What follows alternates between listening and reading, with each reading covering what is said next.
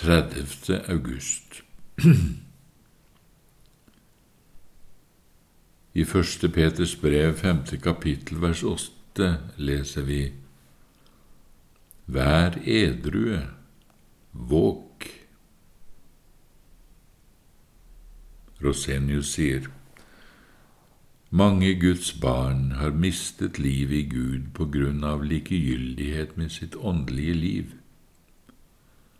Våpnene blir lagt bort, nådemidlene blir ikke benyttet, troen får ikke næring, og gode gjerninger er en ikke lenger opptatt med.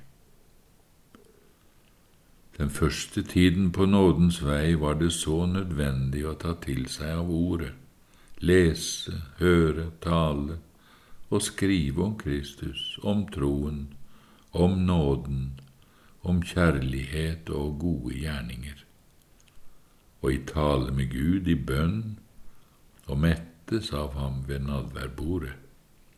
Da var alt dette dyrebart og herlig for hjertet. Men etter noen år var ikke noe av dette så tiltrekkende lenger. Andre gjøremål ble mer maktpåliggende, nye hindringer oppsto, Djevelen sørget for at alt annet ble mye viktigere, og innbilte dessuten sjelen at nå visste han jo alt han trengte å vite, så han nå kunne leve en stund på, så ville nok Gud oppholde livet. Og greier så djevelen å føre mennesket bort fra ordet, så kan han siden føre det hvor han vil, og innbille det hva som helst. Dette er veien til alle slags avveier, åndelige sykdommer og fall. Snart ser mennesket ikke mer synd hos seg selv enn det fornuften sier er galt. Snart tror han ikke mer om nåden enn det han synes kan passe. Men når syndserkjennelsen dør, greier han seg likevel med den trøsten han har. Og så er han snart på ny tilbake i sin naturlige tilstand. Den som er likegyldig med sitt åndelige liv, bryr seg ikke om å leve sitt liv i overensstemmelse med Ordet, og lytter heller ikke til Åndens stemme. I begynnelsen vil en kristen gjøre alt Herren befaler oss å gjøre, og var opptatt med å gjøre alle en kristens plikter.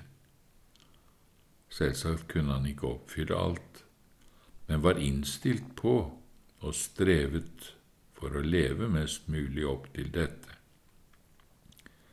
Og om han mislyktes, ja, så anså han dette som en synd, og da måtte han be Gud forlate ham dette og be om nåde og kraft til å gjøre det bedre. Nå derimot setter han selv sine mål for livet hvor mye han kan og skal gjøre. Alt det andre er han totalt likegyldig overfor, tenker ikke mer på det. Når han slik altså ikke strekker seg etter mer enn det han lett kan greie, blir resultatet selvfølgelig at han ikke får noen fall som han angrer, og snart er han så god som han vil være All selvgodhet kommer nemlig bare av latskap og likegyldighet, og av at en glemmer Guds hellighet og budenes åndelige krav. Når så menneskene er blitt fornøyd med seg selv, ikke lenger kjenner på skyld og fall, hva er det da igjen av troen og hele det åndelige livet? Hvor mye betyr da Kristus for dem?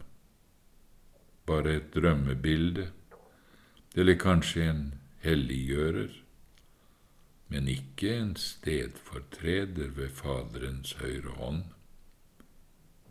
Kanskje en konge som en skal bekjenne, lovprise og opphøye, men som i hjertets dyp ikke er så viktig, så kjær og uunnværlig som en stedfortreder burde være der han står for Guds åsyn for oss og alltid er vår eneste rettferdighet. Kort sagt, Frelseren, Forsoneren, har mistet sin rette verdi og egentlige embete for hjertet vårt. Er ikke lenger vårt hjertes sanne liv og trøst, er det bare i vår fantasi og i munnen. Når begynnelsen omvendelsen og synserkjennelsen er borte, så er alt det andre falskt. Det er på denne veien en kristen forvandles til en fariseer. Likegyldighet med ens åndelige liv fører også til et annet sørgelig resultat. Denne tomheten i sjelen, denne lunkenheten og selvsikkerheten som igjen åpner alle porter for djevelen og hans hær. Når der ikke lenger er noen strid eller seiersfryd, ingen synd, ingen nød, ingen bønn, ingen fryd over nåden, kort sagt ikke lenger noe sant kristenliv, da står vi også som fremmede overfor den levende kristendom, finner ikke at den har noe spesielt å gi oss annet enn tomhet og tunge krav. Det er denne tilstand Kristus skildrer med at huset er feiet og pyntet. Der møter djevelen opp og gir sjelen noe å foreta seg, noe som fyller tomheten, en avgud eller en syndig nytelse som ser så fristende og ufarlig ut. Dette smaker nå spesielt godt etter fasten, da alt etter hvert ble så tomt og innholdsløst. Det var ikke noe levende kristenliv, ingen skatt, ikke noe som helst hjertet kunne fryde seg over. Og menneskehjertet er slik at det alltid vil ha noe å fylle seg med, en skatt, et fellesskap.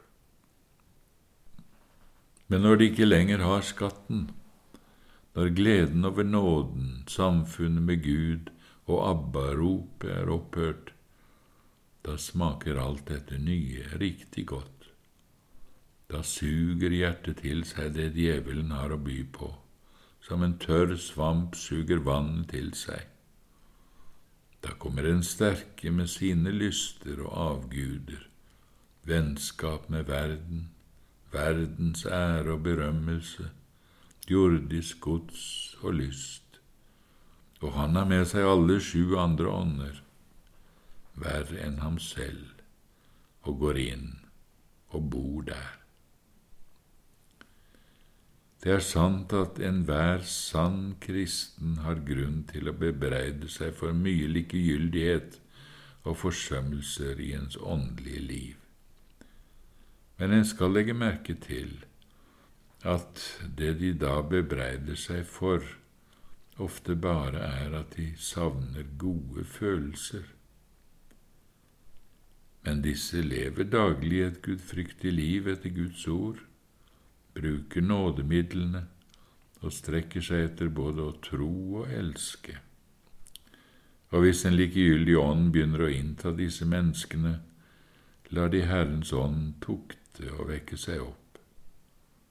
Da forskrekkes de, da tar de sin tilflukt til ordet og søker nåde hos Gud til et bedre liv, og da ender det ikke med åndelig død.